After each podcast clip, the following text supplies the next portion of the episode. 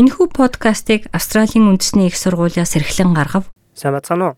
Монголчууд та бүхэндээ энэ өдрийн халуун мэндийг хүргэж байна. 7 өнөө бүр та бүхэндээ SBS радиогоос бэлтгэн хүргэдэг оршин суух хөтчийн маань энэ удаагийн дугаар хүрэхэд бэлэн болжээ. Энэ удаа та бүхэндээ мэдээллийн чанартай нэвтрүүлэг хүргэхээр бэлдсэн байна. Австрали улсын оюутны визний санхүүгийн баталгааны шалгуур нэмэгдсэн байна.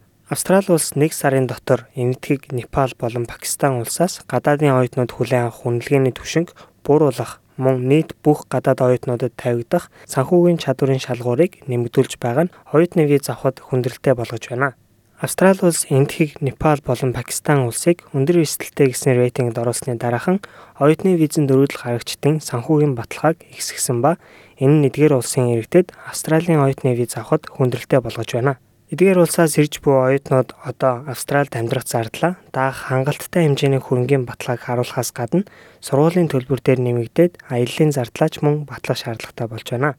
Дотоод хэргийн яамнаас нэг оюутны жилийн зардлыг сургуулийн төлбөрөөс гадна 21041 доллар болгон нэмэгдүүлж Австралийн оюутны визний үндсэн шалгуурыг хангахад энэ хэмжээний хөрөнгийн баталгааг харуулах болж байна. Хамтран амьдрагч эсвэл гэр бүлтэй оюутан нэмж 7362, хүүхэдтэй бол нэг хүүхдийн 3152 долларын санхүүг шаардах болсон. Хэрвээ хүүхэд нь сургуулийн насных бол энэ 8296 доллар болж нэмэгдэнэ. Эдгээр санхүүг жинхэнэ хадгаламж эсвэл тогтмол орлоготой хугацаат хадгаламжаар батална. Бас нэгэн уур арга нь нь тухайн оюутанд санхүүгийн дэмжлэг үзүүлэхээр жилийн орлогоо харуулan баталж болно хэмээн Мельбурн хотын цагаачлалын агентлагийн Ranbir Singh хэлж байлаа. Дотоод хэргийн яамнаас тухайн оюутан өөрөө санхүүгийн шаардлага хангаж чадаагүй тохиолдолд санхүүгийн дэмжлэг үзүүлэх гэр бүлийн хүн эсвэл эх нь жилийн орлогоо хамгийн багадаа 62 мянган доллар гаруй хэрэг дагалдан үйлдэл гаргагчтай бол 72592 доллар гэдгийг батлах шаардлагатай болсон. Амьдрах хүртэг болон зардал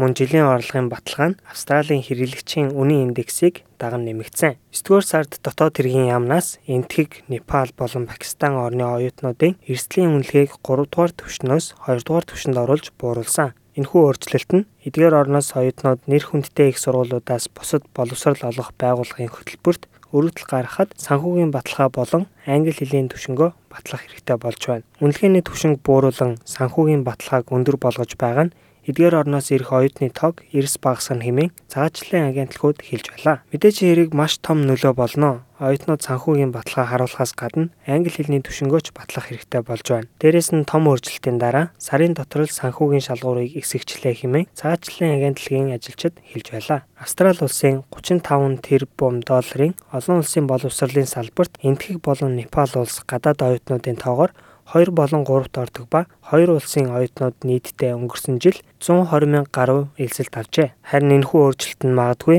эдгээр улсын оюутнуудыг арай шалгуур хөнгөнтэй бусад улсууд тухайлбал Канад болон Англи улсыг сонгоход хүрэх баха. Эдгээр өөрчлөлтүүд нь Монгол улсаас ирж байгаа оюутнуудын хувьд шууд нөлөө үзүүлэхгүй ч гэсэн тань сонирхолтой санагдсан гэж найдаж байна. Дараагийн дугаараар тун удахгүй уулзцаая.